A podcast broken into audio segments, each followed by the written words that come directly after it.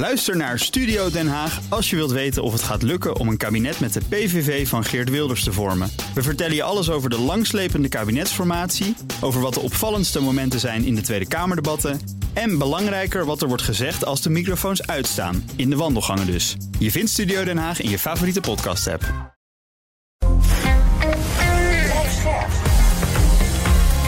BNR Nieuwsradio. BNR breekt. Ivan Verrips. Welkom bij BNR Breekt. Vanaf half twaalf praat ik over het nieuws van de dag.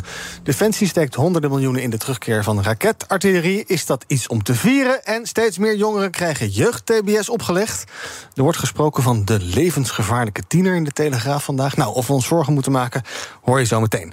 In mijn panel vandaag Harmen Krul, fractievoorzitter van het CDA in Den Helder. Goedemorgen, fijn dat je er bent. En sinds 15 dagen vader van Siep, van harte. Dankjewel, dankjewel. Is, ja. dit, is dit het beste wat je ooit overkomen is? ja, het, is het is in ieder geval het, hetgene met de meeste impact. Want Mhm. eh, je leven is wel in één klap... eh, staat één klap op zijn kop, maar Ja. het is fantastisch en het gaat hartstikke goed met hem. Hier op de redactie vroegen we ons of die, of die vernoemd is naar Siebrand Buma. Nee, nee, ik kreeg ook inderdaad ook al mensen die op Instagram vroegen van... heb je hem vernoemd naar Sibrand Buma? Ja. Ik, nou, ik ben misschien wel lid van het CDA, maar eh, zo- zo'n Zo eh, ben niet. ik ook weer niet. Nee. Nou goed. Eh, fijn, geniet ervan. En eh, nu weer helemaal terug aan het werk en zo. Ja, Nee, ja, ja, goed. En Michiel Suiker, aankomend voorzitter van de JOVD. Goedemorgen, Ivan. Kinderwensen? Eh, ja, drie. Kijk, Oh. dat is concreet. Nou, dan moet je nog, eh, althans ik neem aan dat je dan moet beginnen daarmee. Of niet? Ik moet nog beginnen. Ja, oké. Nou, dat gaan we dan ook volgen de komende jaren. Ehm, tot zover de flauwekul. We gaan beginnen met... BNR breekt. Breekijzer. En dat breekijzer heeft te maken met het spoor. De NS moet op het matje komen in de Tweede Kamer vandaag. Over een paar minuten begint een hoorzitting op aanvraag van D66... naar aanleiding van, ja, we kunnen het allemaal zien... de overvolle en de kortere treinen... omdat de veiligheidsmeldingen beter gewaarborgd zouden moeten worden... en ook vanwege geldverspilling. De NS komt de laatste tijd om in de klachten. Alleen in september al 1740 klachten binnen. Gaat over volle treinen dan, terwijl het aantal klachten normaal schommelt rond de 300 per maand. En NS weet zelf ook wel dat het niet helemaal lekker gaat. Topman Bert Groenewegen zei recent in een toespraak voor zijn personeel... dat werknemers te maken hebben met een hoge werkdruk... en dat er te weinig inkomsten zijn. En hij verwacht nog verder af te moeten schalen. Het gaat allemaal eh, niet heel best dus, lijkt het. En daarom is ons breekijzer deze ochtend... de NS is de beste reclame voor de auto. Wat vind jij? Jaagt de NS mensen op deze manier de trein uit... en kan het bedrijf daar eigenlijk wel iets aan doen? Of moeten we er toch een beetje compassie mee hebben... en accepteren dat we ja, een tijdje gaan inleveren op reiscomfort? Pak je telefoon, bel naar 020 468 4x0. Dus 020 468 4x0. Reageer op ons breekijzer. De NS is de beste reclame voor de auto. Dat kan ook via Instagram. BNR Nieuwsradio weten we daar. Kan je stemmen. Maar het leukste is even bellen. 020 468 4x0. Zometeen hoor je hoe mijn panelleden over dit onderwerp denken. Maar ik begin bij Wilco Bos. Hij is adviseur duurzame mobiliteit bij ingenieursbureau, Royal Haskoning DHV. Goedemorgen Wilco. Wilco is nog even in de trein of zo, verbinding weg. Goedemorgen. Heb je- heb je- ook, oh, jij bent er wel. Ehm, ons breekijzer, de NS is de beste reclame voor de auto. Wat vind jij?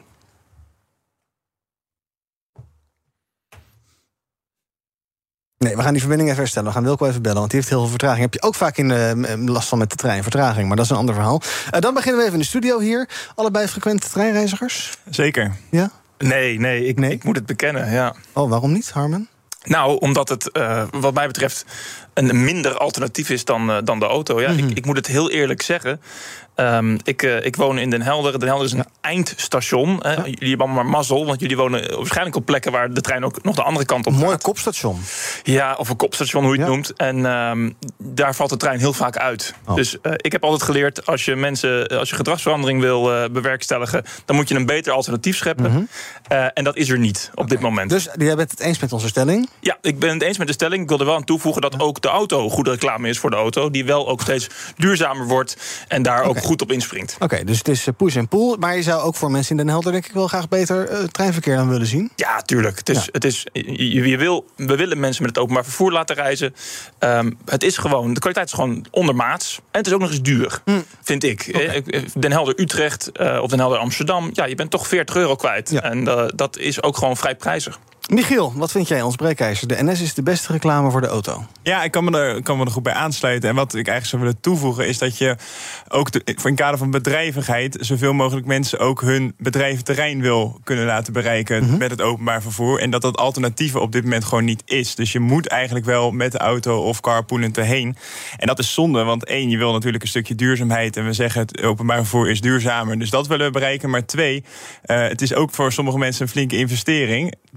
Zijn hoog. Dus daarom zeggen we ook, en binnen JFD heeft het ook, vooral buiten de provincies, of in de provincies, zorg nou voor dat je ook gewoon met het openbaar vervoer kan reizen. Ja, maar dat is over de, over de brede linie. Want een trein kan natuurlijk niet bij elk eh, eh, bedrijventerrein stoppen. Ja, klopt, dus dan moet je ook aansluitend eh, vervoer en dergelijke Ja. goed maken. En daar zijn nog veel uitdagingen wat jullie betreft. Oké, Wilco Bos van Royal Haskoning DHV. Nu wel. Ja, goedemorgen. Hallo. Ja, de NS is de beste reclame voor de auto. Wat vind jij?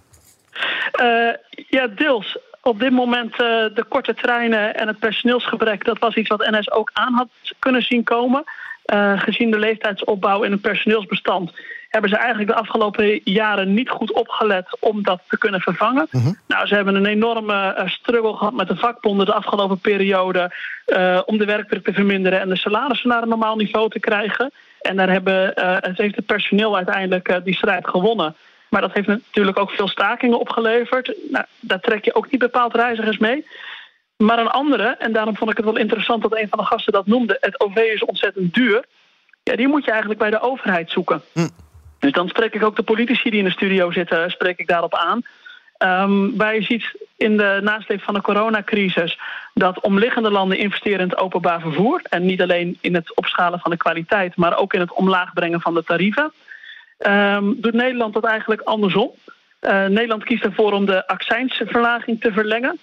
En om de tarieven van het openbaar vervoer gelijk te houden. Waarmee dus eigenlijk ook het kabinet er deels voor zorgt eh, dat er reclame gemaakt wordt voor de auto. En dat zien we dus ook. In september eh, hadden we ineens al 900 kilometer file. Een Ja. filerecord eh, is zelden zo vroeg opgetreden. Ja, dus eh, nou, dan kijk ik toch even naar de politici hier. Niet dat wij daar heel veel eh, nu over te zeggen hebben. Maar eh, een goed idee om de trein goedkoper te maken, Michiel. Ja, zeker. En ook Ja? als ik daar. Waar gaan we dat vandaan halen?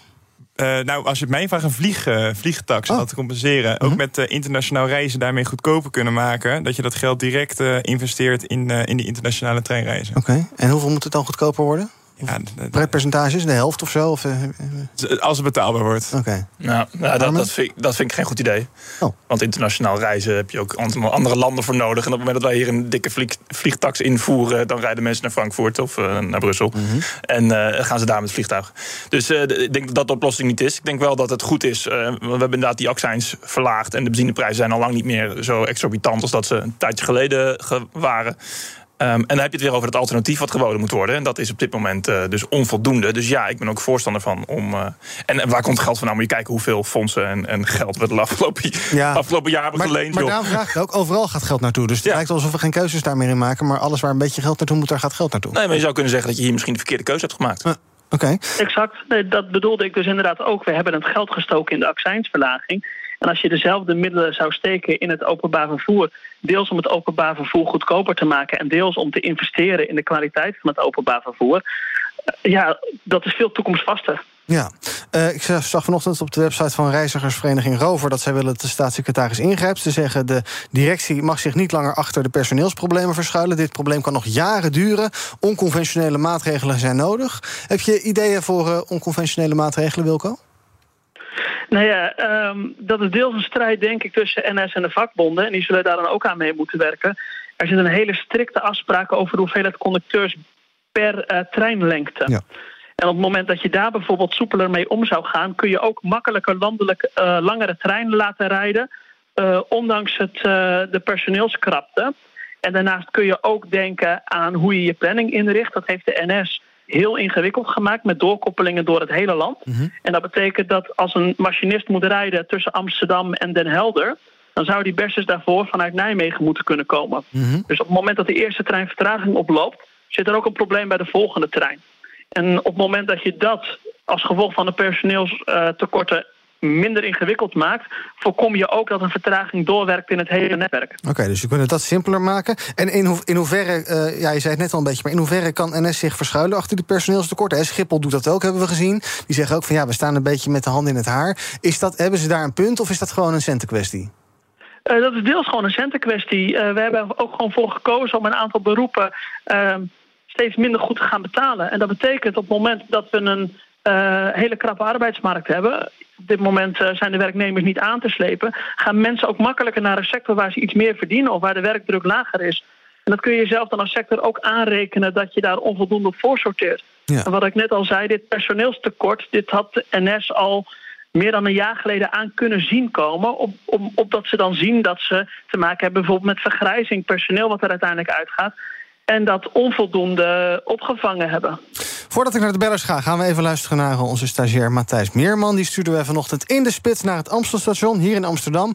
Om te kijken hoe de reis van de aankomende passagiers verlopen is. Komt net de trein uit, zie ik. Heeft u zich wel lekker kunnen ergeren aan de drukte of viel het mee vandaag? Uh, het was aardig druk, ja. Ik heb helemaal geen zin om daarop. Ja. ja, het was best vol, ja. Het was druk, ja, klopt. Uh, nee, viel wel mee. Ik uh, viel hartstikke mee. Uh, ik ben een tijdje niet met de trein geweest, dus ik heb er niet echt last van gehad. het was druk, maar het was prima. Nou, viel mee vandaag. Kon u, kon u zitten? Ik kon zitten, ja. Ja, ik heb het geluk dat ik vanuit Nijmegen vertrek. En daar staat de trein al klaar. Dus ik kan heel erg goed uh, zeg maar zitten. Ik, ik hou er wel rekening mee. Dus ik ga wel aan, sorry, aan het uiteinde van de trein zitten. En ik probeer zo snel mogelijk bij een deur uh, te staan. Hangt een beetje af van het moment op de dag. Als ik een uh, uurtje eerder wegga, is het wat drukker. Het staat niet heel prettig, schouder aan schouder. En waarom kies je er toch voor om de trein te nemen in plaats van bijvoorbeeld de auto? Ja, ik moet naar de Prinsengracht, dat is niet te doen. Ik heb geen rijbewijs. Dan is de trein toch altijd nog beter, vind u? Ja, precies. En ik heb ook geen auto, dus dat wordt lastig. Oké, okay, gemengd beeld dus. We gaan naar onze bellers. De NS is de beste reclame voor de auto. 020 468 4 keer 0 als je wil reageren. Het langstaande telefoon hangt Martijn. Goedemorgen. Hallo? Zeg het maar, hallo. Ja, met Martijn. Ik ik wil even doorgeven dat het systeem totaal verkeerd is. Het ligt niet aan het spoor, het ligt niet aan de Nederlandse spoorwegen. Het ligt aan het systeem om mensen aan het werk te krijgen. En waarom? Je bent hier op een gegeven ogenblik werkloos. En dan krijg je toeslagen, dan krijg je compensatie en nog eens toeslagen. Dan staat er een wagon toeslagen voor je klaar. En dan zou je wel eens voor je kop kunnen stoten om te zeggen... ik heb zin om bij de spoorwegen te gaan werken. Oké. Je, krijgt, je krijgt 800 euro, 500 euro en nog eens 500 euro... met een druk op de knop gewoon op je boekje bijgeschreven. En ben je er 1 euro overheen, eentje, 1 euro, krijg je niks. Ja, dus moet je een hele hoop papier invullen en dan krijg je niks. Duidelijk, aantrekkelijker maken om te werken. Dus dank voor het bellen. Ruben, goedemorgen. Goedemorgen. Zeg het maar. Hey, goedemorgen. Nou, ik ben het eens met de stelling. Waarom? Nou, ik vind uh, de NS is gewoon, uh, ja, je kan er niet van op aan. Uh, dan ze wel, dan ze niet. Veel uitval. ja, personeeltekort, dat, is, dat is, iedereen last van. Dus ja, daar kun je niet achter verschuilen. ga je met de auto naar het station, dan is het slecht te parkeren. Parkeer je dan even fout, dan kom je terug, heb je een bekeuring. Nou, denk je, dat is ook zonde. Mm Dus ja, ze hebben mij nog niet overtuigd om wat vaker de trein te pakken als de auto. Nee. en daar is nog heel wat voor nodig dus. Ja, er is heel wat voor nodig. Ja, en precies wat die meneer net voor ons zei, ook het systeem, ook daar kunnen ze wat mee. Maar dat is niet, van, dat is niet aan de NS, dat is aan de overheid. En uh, wat ik ook wel vind, dat ze het spoor wel goedkoper moeten maken en toegankelijker. Zeker voor uh, de jeugd en uh, studerende kinderen. Mhm. Nu is alles in de vorm van een, een soort met lening die je aangaat als je studeert. Ja, dat slaat natuurlijk ook nergens op. Hm, ja, tenzij het haalt geloof ik je studie binnen een bepaalde tijd. Dan krijg je het weer terug. Maar duidelijk, dank voor het bellen. Victor, goedemorgen. Ja, hi, goedemorgen. Zeg het maar. Ja, nou ja, ik kan me best wel vinden in de stelling. Want uh, het is uh, zeer aangelegd om een goed kwartier uh, te staan in de trein. Ja. Ik woon zelf in Rotterdam en ik werk in Utrecht. Dus ik moet elke dag deze reis maken. maar toch kies ik er vaak voor om met de trein te gaan. Want de trein is uiteindelijk toch goedkoper. Oh. Zeker omdat mijn werkgever die betaalt zeg maar mijn trein op 19 cent per kilometer. Mhm. Nou ja, 19 cent per kilometer, daar rij ik niet voor. Nee. En het volledige treinkaartje is vergoed. Dus in die zin is dat voor mij zeer goedkoper. En um, nou ja, er is ook geen file in de trein. Wat dat betreft, zeker tussen Rotterdam en Utrecht, sta ik elke dag in de file. Ja, En uh, ja, in de trein is dat niet zo. Nee, duidelijk. Verbinding is wat slecht, maar dank voor het bellen. Ehm, uh, eens dus met de stelling. Uh, Jeroen, goedemorgen. Hi, goedemorgen Ivan. Uh, ik, ben het, ik ben het eens. Uh, ik herken erg de uitspraak uh, als sardientjes in een doos zitten. Ja. Maar dat wordt alleen nog maar erger als er niet geventileerd wordt, zoals de NS en de bussen dat momenteel doen. Um, gezien corona en griep Ehm, ja, dus ik zou heel graag willen zien dat eh, de NS en eh, de busmaatschappijen dat oppakken. Want we zitten echt als sardientjes in een doos. Als je dan ook niet ventileert, nou, de griepgolf en de coronagolf gaan al zijn al gigantisch toegenomen. Ja, dan, dan, dan, ja, dan ben je echt eh griep corona opgeschreven. Ja, dan is de NS de grote superspreader. Oké, dat gaan we zo nog even bespreken of daar meer aan moet gebeuren. En het laatste van dit blokje is Jan. Goedemorgen. Goedemorgen, Ivan. Nou, ik ben het eh, eens met de stelling, maar ik wil er wel een eh, nuance in aanbrengen. Ik denk namelijk dat het openbaar vervoer in zich heel eigenlijk wel een reclame is voor de auto. Omdat, ja, eh, het is niet alleen de spoorwegen de, en dan de NS met name waar het misgaat. Je hebt natuurlijk ook allerlei buslijnen waar het heel druk is, overbevolkt is, zeg maar. Bussen die niet meer rijden. Ehm, slechte aansluitingen, dat speelt overal eigenlijk wel. En ik denk dat dat een heel maatschappelijk probleem is. Aan de ene kant hoor je personeelstekort, maar dat hebben we overal. Dan zou je denken van, goh, dan wordt het vanzelf rustiger in de bus of in de trein. Maar dat is niet zo.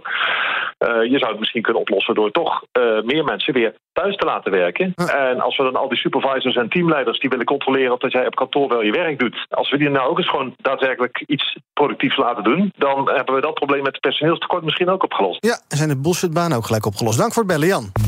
BNR breekt. Ivan Verrips. De NS is de beste reclame voor de auto, is ons breekijzer. Als je nog wil reageren, heel snel doen. 020 468 4 keer 0 In mijn panel vandaag Michiel Suiker, aankomend voorzitter van de JOVD. Harmen Krul, fractievoorzitter van het CDA in Den Helder. En ook bij me is Wilco Bos, hij is adviseur duurzame mobiliteit... bij ingenieursbureau Oriel Haskoning DHV.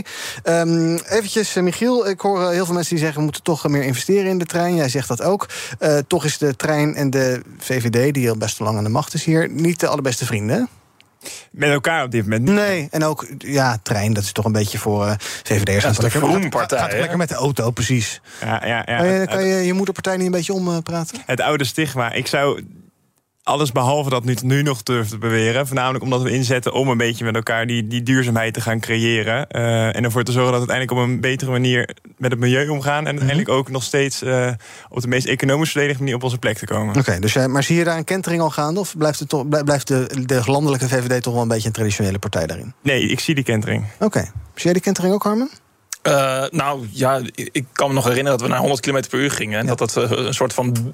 Ja, dat, dat, was heel erg voor de VVD ja. die dag. Dat was een Daar rouwen, ze nog om. Inderdaad, ja. ja, ja, ja. Maar laat, laat dat dan een kentering zijn. Hm. Uh, Wilco, zou misschien uh, iets met concurrentie op het spoor kunnen helpen? We hebben nu het verhaal over de concessie voor het, het hoofdrailnet.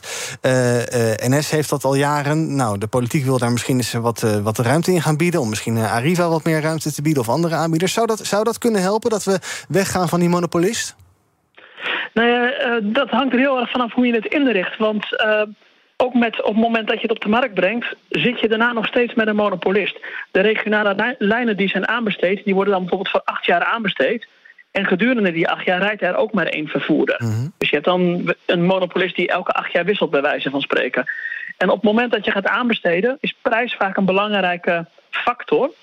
En de bepalende factor voor prijs zijn de salarissen van het personeel. Ja. In de, in de OV-wereld. Dus hoe meer je gaat aanbesteden eigenlijk... Uh, de personeelstekorten zijn nu het probleem... Mm -hmm. Die los je waarschijnlijk op, de, op die manier niet op. Mm. Het gaat er vooral om dat je de concessie op de juiste manier beheert. En daar is echt het ministerie zelf aan zet. Welke eisen stel je eraan? Hoe leef je ze na? Maar ook hoe zorg je ervoor dat je op kwaliteit stuurt bij de, bij de spoorwegen? En dat is eigenlijk onafhankelijk van welke vervoerder er rijdt. Ja. Dus ik zie niet direct aanbesteden daarvan als oplossing, maar als een separaat vraagstuk. Oké, okay. uh, NS is dus nu veel aan het afschalen. We hoorden Bert, Bert Groenewegen net, die zei... Uh, ja, waarschijnlijk als het zo doorgaat, dan moeten we meer afschalen. Ik kan me heel erg voorstellen dat in de OV-wereld uh, afschalen... veel makkelijker is dan weer opschalen. Dat je makkelijker treinen eruit gooit dan dat je weer dingen gaat optuigen. En dat terwijl er in de afgelopen jaren best wel veel opgetuigd is... met 10 minuten treinen en dat soort zaken. Als je dat weggooit, is dat dan voor eeuwig weg? Nee, natuurlijk niet. Opschalen is, uh, uh, was in het verleden ook al mogelijk. En afschalen wat dat betreft ook. Het gaat er gewoon om hoeveel ruimte je op het spoor hebt. Er is niet ineens minder spoor op het moment dat je minder treinen laat rijden. Je moet alleen wel zorgen dat je aanwas dan nog steeds op orde is. En dat gaat om het personeel, zowel aan de wal als, uh, als in de terreinen.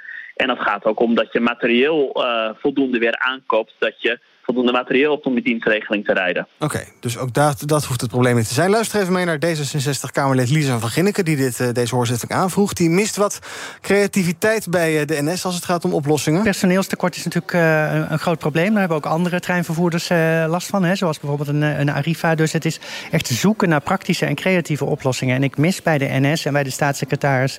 de creativiteit om, uh, om tot die oplossingen te komen. Ja, nou, zoeken naar creatieve oplossingen. Harmen, wat je bijvoorbeeld zou kunnen voorstellen... hoor je wel eens, joh, laten we eens van die rare eerste klasse afgaan. Er zitten allerlei mensen zitten in de tweede klasse... als haringen in een ton dus, of sardientjes in een blik... of noem maar een andere vergelijking. terwijl die eerste klasse dan leeg staat. Moeten we daar eens mee stoppen?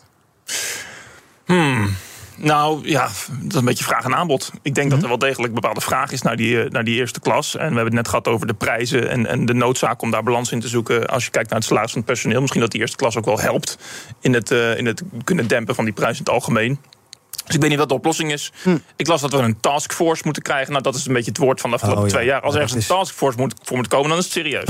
Leo Remkes. Ja. Een taskforce, Ja. maar een taskforce is toch politiek voor uitstel... en we gaan het nog la- later besluiten? Ik, eh, ik, laat ik het zo zeggen, ik denk dat het, eh, het dieptepunt nog niet bereikt is. Hm. We weten dat de reizigers die, die in corona gestopt zijn met treinreizen... nog niet allemaal terug zijn. Dus dus je moeten... ook een auto gekocht aan het begin van corona. een auto want je- gekocht want op vakantie geweest, Wat ja. een van de bellers net zei, eh, eh, haringen in een ton is ook niet echt lekker... als je denkt van, goh, ik wil geen corona krijgen. Precies. Ja? En daarnaast gaan er dus nog meer dienstregelingen geschrapt worden. Ja, het is misschien wel mogelijk om wat sneller weer op te schalen. Maar de vraag is of je die reizigers nog snel genoeg terugkrijgt. De mensen die nu afhaken in de trein. Ik denk dat die, eh, als ze nu kiezen om een auto te kopen... echt niet over een jaar denken van... nou, problemen zijn opgelost, ik ga weer eh, die auto wegdoen. Ik denk dat het eh, eind nog niet in zicht is. Hm. Michiel, Lisa van Ginneke mist creativiteit. Zit hij er bij jou wel? Heb je nog onconventionele ideeën? Nou, de, de, de, ik zou bijna zeggen, we moeten een taskforce opzetten. Ah, ja. Ja. Ja. Remkes en Cenk Willing, denk ik. Ja. Ja. Wilco, Taskforce, wat gaat dat ons brengen? oh, ik weet al genoeg. Nee, nee, je- nee je, moet, je moet, moet gewoon die keuze maken. En die moet echt door de overheid gemaakt eh, worden. Bij de miljoenennota was er alleen maar aandacht voor de auto en niet voor het openbaar vervoer. De linkse tegenbegroting, daar zat nog wel een stukje openbaar vervoer in. Maar Den Haag moet echt er werk voor maken, maakwerk van de trein. En wat een collega van de VVD ook al zei. ehm, ook werk aan dat het op lange afstanden aantrekkelijk is. Zorg dat de trein de manier is hoe je wilt reizen. Naar Parijs bijvoorbeeld is dat op dit moment zo, maar naar Berlijn juist verre van. Maak gewoon de trein aantrekkelijk voor woon-werkverkeer. Ja, Rutte blijft trouwens vliegen naar eh, Parijs. Is dat logisch, Wilco? Ja, dat vind ik een lastig verhaal. Want eh, normaal gesproken zou je zeggen, je moet daar het goede voorbeeld geven. Ja. Maar op het moment dat hij de trein neemt, kan hij één afspraak op een dag doen. Als hij gaat vliegen, kan hij drie afspraken op een dag doen. Eh, dus heel efficiënt is het ook weer niet. Dat maakt het dan weer lastig. Goed, duidelijk. Dank voor het bellen. We doen het tot slot nog eventjes. Robert, goedemorgen. Goedemorgen. Zeg het maar. Eh, ja, ik eh, hoor net eh, op het laatste, dus de stelling, ik schakel net in. Ja, maar goed. ik vind dat eh, wat er wel onlangs met vrouwen ging laatst ook met de trein. En eh, ja, dan wordt er, eh, wat, ze, wat ze zeggen, je zit echt op een pop bijna. Het is nog net niet zoals in Japan. Ehm, en ook, er wordt niks omgeroepen van waar moet ik eruit. Eh, eh, ja, dat soort dingetjes allemaal. Ehm, soms denk ik wel eens ook de service. Had per ongeluk had ze ingecheckt ehm, bij Arriva met de trein. Verkeerde poortje ongeluk gedaan, wel betaald. Ze moest in Utrecht eruit. En toen werd ze verzocht om in Driebergen even uit te stappen, uit te checken, in te checken. En dan weer de trein naar Utrecht te nemen. Denk ik van ja, weet je, dat doe je niet expres. Er is betaald.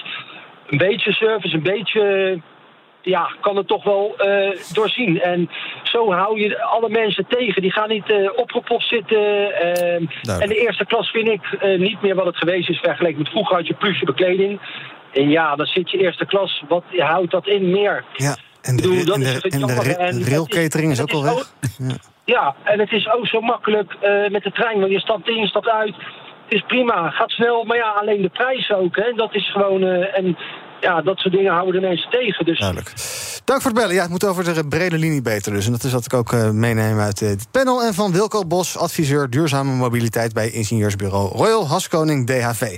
Ons breekijzer dus. Je kan op Instagram nog de hele dag van je laten horen. De NS is de beste reclame voor de auto. Op Instagram is zo'n 74% het daarmee nu eens. En zometeen ga ik met eh eh, Harmen en Michiel verder praten... over het nieuws van de dag. Over Defensie dat honderden miljoenen steekt... in de terugkeer van raketartillerie. Is dat iets om te vieren? En we hebben het over een eh, besluit van het kabinet... dat zij tegen de wens van de Kamer in... toch gewoon een volwaardige afvaardiging... naar het WK voetbal in Qatar gaan sturen. Misschien wel met de koning. Maar heeft hij dan een regenboogpak aan? Nou, dat allemaal zometeen bij BNR Breek. Tot zo. Ook Bas van Werven vind je in de BNR-app. Ja, je kunt live naar mij en Iwan luisteren tijdens de ochtendspits. Je krijgt een melding van Breaking News. En niet alleen onze podcast Ochtendnieuws, maar alle BNR-podcasts vind je in de app. Download nu de gratis BNR-app en blijf scherp.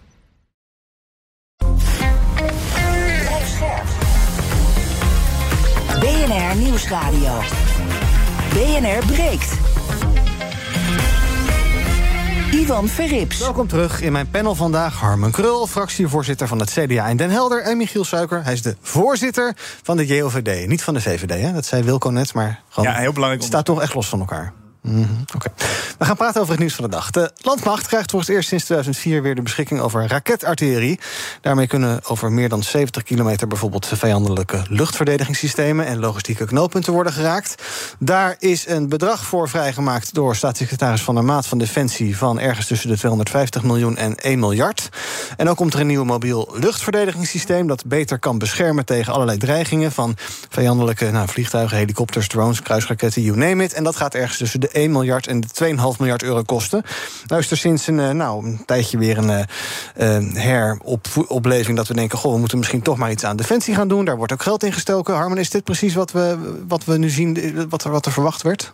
Ja, dit is een hele goede eerste stap. Want, oh sorry, dat moet ik even bij zeggen. Jij werkt voor de Koninklijke Marine Ja. in je dagelijks leven. Ja. Dus uh, je bent militair, dus dan ben ik heel erg benieuwd ook hoe je daar ook met die, die blik naar kijkt. Ja, nee, inderdaad. Kijk, je moet je voorstellen dat wij uh, sinds 1990 eigenlijk aan één stuk door bezuinigd hebben op defensie. Uh, we hebben dat zo erg afgeschaald dat zelfs de hoofdtaken van defensie, die wij in de grondwet verankerd hebben, namelijk het beschermen van de internationale rechtsorde en het beschermen van ons eigen grondgebied, dat de minister meermaals heeft aangegeven de afgelopen tien jaar: ja, die taken kan ik helemaal niet vervullen met de spullen van nu.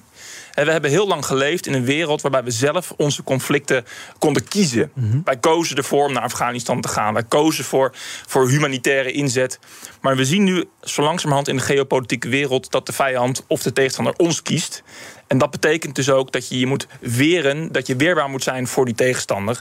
En helaas, en dat is best beangstigend, die tegenstander heeft conventionele middelen. Um, en dus hebben wij die ook gewoon weer nodig. Hm. Dus dit is een goede eerste stap. Wel wil ik meteen zeggen, het is niet zoals bij IKEA. Je koopt iets, je bestelt het, het je kan het mee naar huis nemen en in elkaar zetten. Um, dit kan zomaar nog eens een tienjarige levensduur hebben, bijvoorbeeld. Okay. Het is niet off the shelf. Het is een goede eerste stap. Laten we hopen dat we, dat we dit voortzetten. Mm -hmm. Dat we de capaciteiten van de krijgsmacht, die we gewoon in de wet hebben verankerd, weer, weer op orde kunnen krijgen. Ik zie hier trouwens niks over, uh, over de marine. Nee, en dat is wel jammer, want ook onze onderzeeboten die zijn echt, echt toe aan vervanging. Um, en, en dat wordt continu uitgesteld. En dat is een heel lange, belangrijk middel, ook een internationaal verband. Ik hoop gewoon dat we langzamerhand die stappen weer zetten. Defensie is een verzekering voor onze veiligheid. We hebben ook onze gezondheid verzekerd. Vinden we heel normaal als er iets gebeurt dat je dan verzekerd bent. Dat moeten we ook voor onze veiligheid blijven doen. En dat betekent investeren in defensie. Ja, is die aflevering van 5 Days Inside trouwens wat? Ik heb het nog niet gezien, maar is dat leuk? Ja, dat is wel, dat is wel leuk. Daar gaat, gaat Geraldine Kemper toch mee op een Geraldine Kemper ja. gaat mee op een onderzeeboot, ja. ja, dat wil ik nog wel even Klinkt als een intro van een hele foute video, maar... Uh... Oh, dat maak jij ervan. Sorry. Michiel, uh, als je, als je deze perspectief kijkt, zijn dit belangrijke investeringen? Of doen we dit uh, puur om aan een NAVO-quota te voldoen? En is dit een soort reactie op Oekraïne? En hoe zie jij het? Ja, het is een goede ontwikkeling dat we nu eindelijk geld aan het investeren zijn in nou, dat een van de primaire taken die we hebben. Het is inderdaad ook een internationale afspraak dat we aan die 2%-norm voldoen. Dus los van dat het noodzakelijk is, is het ook netjes om aan, je, aan die afspraak te houden. Ja. En maar wat wel gewoon heel belangrijk nu is, is dat je ook ziet dat het voortkomt uit een soort sentiment van de oorlog met Oekraïne en hoe dichtbij het nu is. En we moeten dit echt loszien, deze investeringen van die oorlog met Oekraïne. Dit is gewoon iets wat we de komende jaren altijd moeten blijven doen. Ja. En vanuit de JOVD vinden we dan ook, zet die 2%-norm niet alleen als afspraak, maar zet het in de wet. Dat je ook gewoon echt de komende jaren voor altijd deze norm en afspraken met elkaar blijft behouden. En dus dat je, wat jij terecht zegt, Harmen, ook blijft voldoen aan die verplichting die je eigenlijk aan je volk hebt als staat. En dat is namelijk ze uh, veilig houden. Hm, ik denk ook een beetje raketten, dat is toch allemaal iets van vroeger. Ja, nu zien we het in uh, Oekraïne door die, uh, met die, al, al die Russische troep die er wordt afgeschoten. Maar het is, ging toch allemaal cyber worden en dergelijke? Ja, je mag hopen dat ze inderdaad op alle fronten blijven inzetten. Maar als we de experts mogen geloven, is dit een eerste hele goede stap. En laten we daar ook een beetje positief naar kijken. Ja, we, hebben, we hebben trouwens geen tanks, Harmen. Precies, en oh. zo is ook de tank uiteindelijk verloren gegaan. Hè. Wij, wij, waren namelijk bezig in Afghanistan, waar we met name vochten tegen boeren die een Kalashnikov hadden. Toen werd eigenlijk gezegd: ja, zo'n grote tank, dat hebben we helemaal niet meer nodig.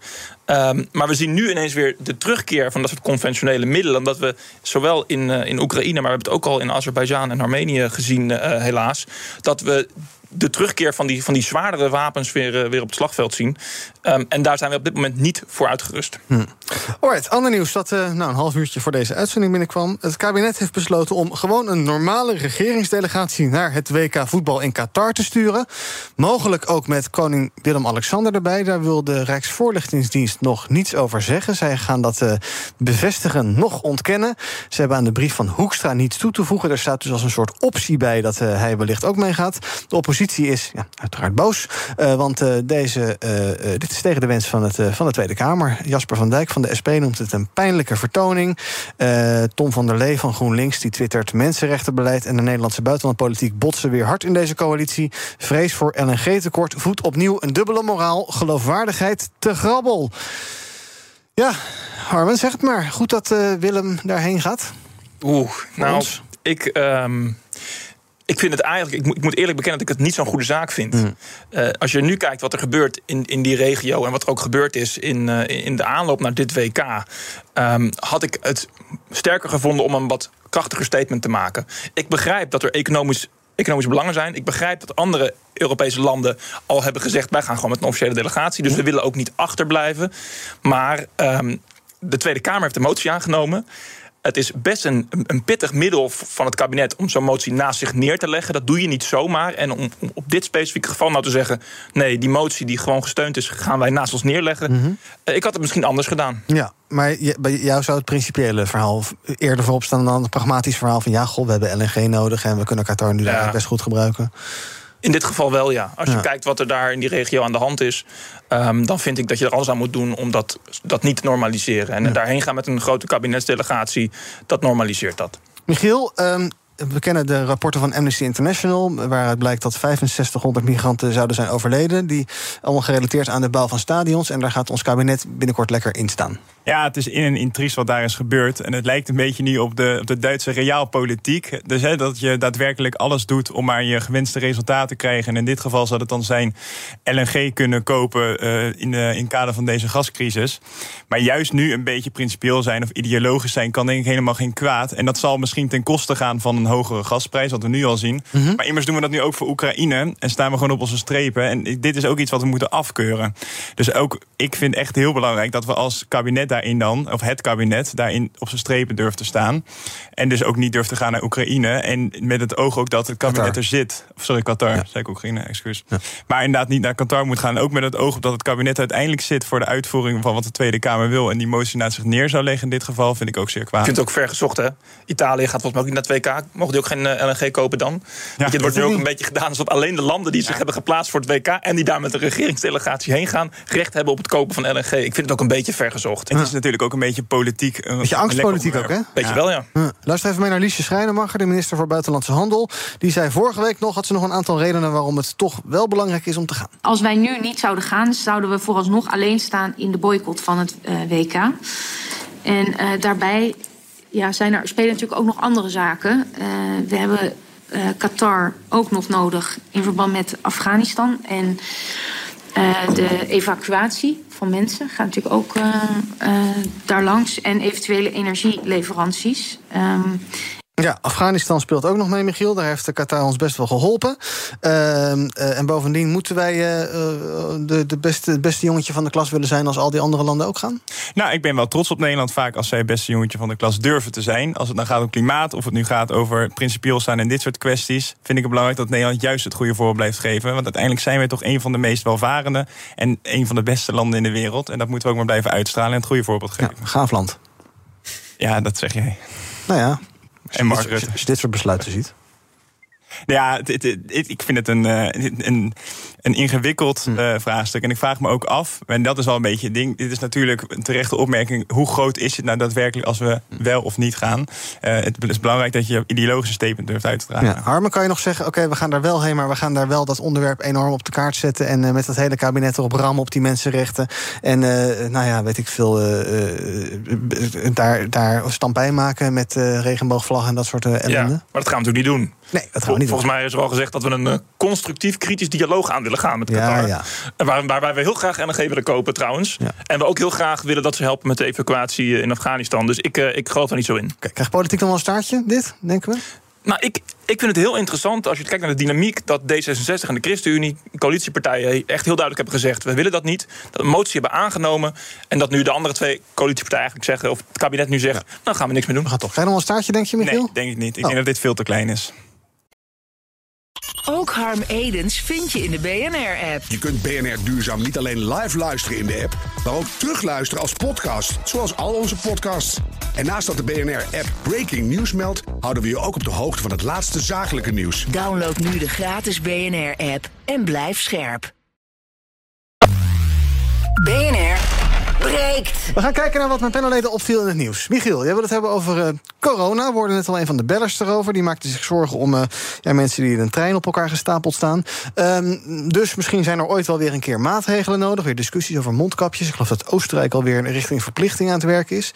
Maar jij maakt je zorgen om hoe dat bij ons allemaal juridisch eh, verankerd is? Ja, in de tijd van corona hebben we ervoor gekozen om met allemaal verordeningen en via gemeentes eigenlijk op een, een misschien tegen de grondwet in eh zijnde maatregelen te nemen, al dus de Raad van State. En wat je nu ziet is dat er een nieuwe wet wordt gemaakt, maar dat die er eigenlijk niet komt. Die is afgewezen op een gegeven moment in de Eerste Kamer. En wat nu een beetje de analyse is dat de, de mensen die graag willen dat het er doorheen komt, zo'n wet, denken van nou we wachten wel even tot, het, tot de nood hoog is. En natuurlijk onder druk is alles vloeibaar. En dat je ziet bij de groep die het niet wil, en dan kan je bijvoorbeeld aan de FVD of PVV denken, die denken van nou dan ook niet, dan laten we het lekker zitten voor wat het is. En wij als JOVD vinden dat in enigszins verontrustend, omdat die avondklok uiteindelijk niet het effect heeft gehad wat we allemaal hadden verwacht. Het is wel een hele grote inbreuk geweest op onze vrijheid. Uiteindelijk was onze bewegingsvrijheid is gewoon belemmerd. En daarom zouden wij juist zeggen, ga nu met elkaar het gesprek aan om, om in ieder geval te bepalen wat je wel of niet wil in zo'n situatie. En als het dan aan ons ligt, zou ik zeggen, zorg ervoor dat je die bewegingsvrijheid nu wel opneemt in de grondwet. Dat je in ieder geval pas in noodsituaties, hè, op het moment dat er een noodtoestand is, Ja. daadwerkelijk ook die bewegingsvrijheid mag aantasten, maar in geen enkel ander geval meer. Oké. Want het is veel te groot om daarmee te spelen. Ja. Nou, hebben we ook, zo, ook laten zien dat zo'n pandemie altijd verrast. Eh, ik denk nog even terug aan de 2500.000 routekaarten van Hugo de Jonge... die ongeveer elke week weer werden vernieuwd en dergelijke. Dus kan je daar goed wetgeving voor maken? Nee, misschien Oh. niet de exacte wetgeving niet. Maar goed, dat kan je nooit. Dus het is een beetje eh, eh, d- denken in, in scenario's. Mhm. Dat, dat werkt niet. Wat je met elkaar moet afvragen is welke principiële dingen vind je dat wel en niet kunnen. En bewegingsvrij belemmeren vinden wij iets wat gewoon echt niet kan. Mhm. Wat je wel kan zeggen is bijvoorbeeld dat je gaat kijken van hoe erg willen we afschalen in eh, de openbaar vervoer dat desnoods nodig is om ervoor te zorgen dat mensen meer naar werk gaan. Eh, dat je daarin adviezen gaat uitschrijven, dat je dat soort dingen belangrijk vindt, maar dat je niet meer aan de bewegingsvrijheid komt van mensen zelf. Ja, stel dat het dit najaar nou weer helemaal bal is als het om corona gaat. Hoe erg zou het dan zijn als we dit allemaal eigenlijk weer houtje touwtje gaan regelen... met allerlei verordeningen en wetgeving... die dan weer door rechters een, dag lang wordt weggevaagd. En ja, het dreigt weer een puinhoopje te worden. Ja, dat, dan zou het echt het, het laten zien wat het, hoe de politiek op dit moment gewoon niet functioneert in het kader van het echt durven uitspreken van een visie.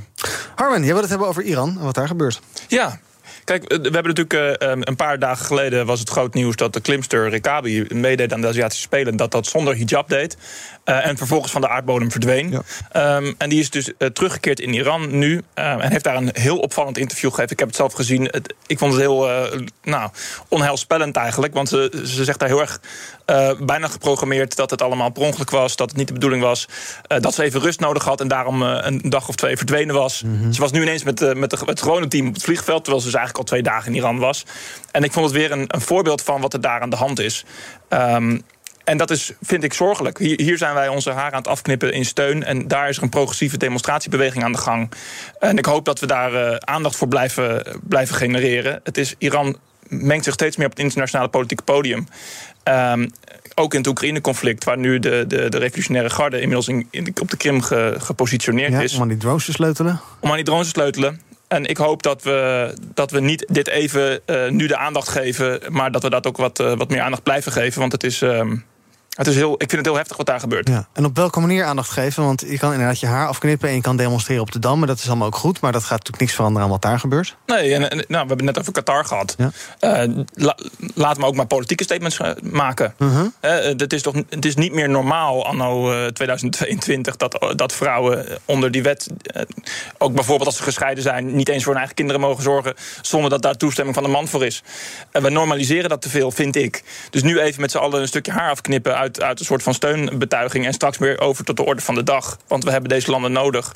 Ik vind het wat principiëler aan het worden. En laten we maar eens een, een statement maken. Ja, nou, ik geloof dat er wordt nagedacht over uh, nog meer sancties tegen Iran in de ja. EU. Uh, Hoekstra die, die heeft daar wel zin in. Die, althans, die heeft er wel zin in, maar die ziet dat wel zitten. Andere EU-landen zeggen, nou, we moeten toch maar eerst even kijken... of die drones wel echt uit Iran komen. Maak jij er zorgen? Oh, dat, ik zie jou uit je blik dat het een beetje flauw komt. Ja, die drones komen echt uit Iran. En die Republikeinse garde is ook echt nu op de Krim. En zo is het eigenlijk de eerste, het eerste land na Wit-Rusland... wat het ook al een beetje doet, wat zich eigenlijk mengt, in het conflict. Ja. En zo wordt het conflict steeds groter. Um, je moet niet wachten met sancties. Je moet daar eigenlijk nu meteen mee beginnen. Amerika mengt zich natuurlijk ook in het conflict. Natuurlijk, natuurlijk ook met leveranties. En we zijn nu ook aan het trainen. Maar het is nu wel voor het eerst dat er nu echt gewoon... in het oorlogsgebied gesleuteld wordt aan apparatuur... door een ander land. Ja, en wat kan je dan doen behalve sancties? Nou, uh, niet, mee, niet mee escaleren in ieder geval. Ik begrijp best dat landen als Polen... Polen heeft nu ook voor 6 miljard aan uh, installaties gekocht uit Korea, geloof ik... dat het steeds naarmate het escaleert steeds aantrekkelijker wordt... of misschien zelfs wel die paniek -hmm. toeslaat in die omringende landen. Maar je moet nu juist rustig blijven um, en, en zorgen dat het niet verder escaleert... want er zijn niet heel veel treden meer op die ladder, op die escalatieladder, die nog bewandeld kunnen worden. We zitten hierna toch vrij gauw op het uh, gebruik van tactisch nucleaire wapens. Ja. En dat moeten we echt kost wat kost voorkomen. Ja, rationeel handelen, dus wat jou betreft. Rationeel handelen. We gaan kijken wat er trending is op de socials. Nou, nog steeds trending sinds uh, gistermiddag Thierry Baudet... vanwege zijn schorsing uit de Tweede Kamer. Hij mag na het niet opgeven van zijn nevenactiviteiten... een week lang niet meedoen aan de debatten, maar mag wel stemmen. Oxfam Novib is trending, omdat uh, zij vinden en zeggen dat rijke landen... volgens hun rapport onvoldoende betalen aan arme landen... om de gevolgen van klimaatverandering aan te pakken.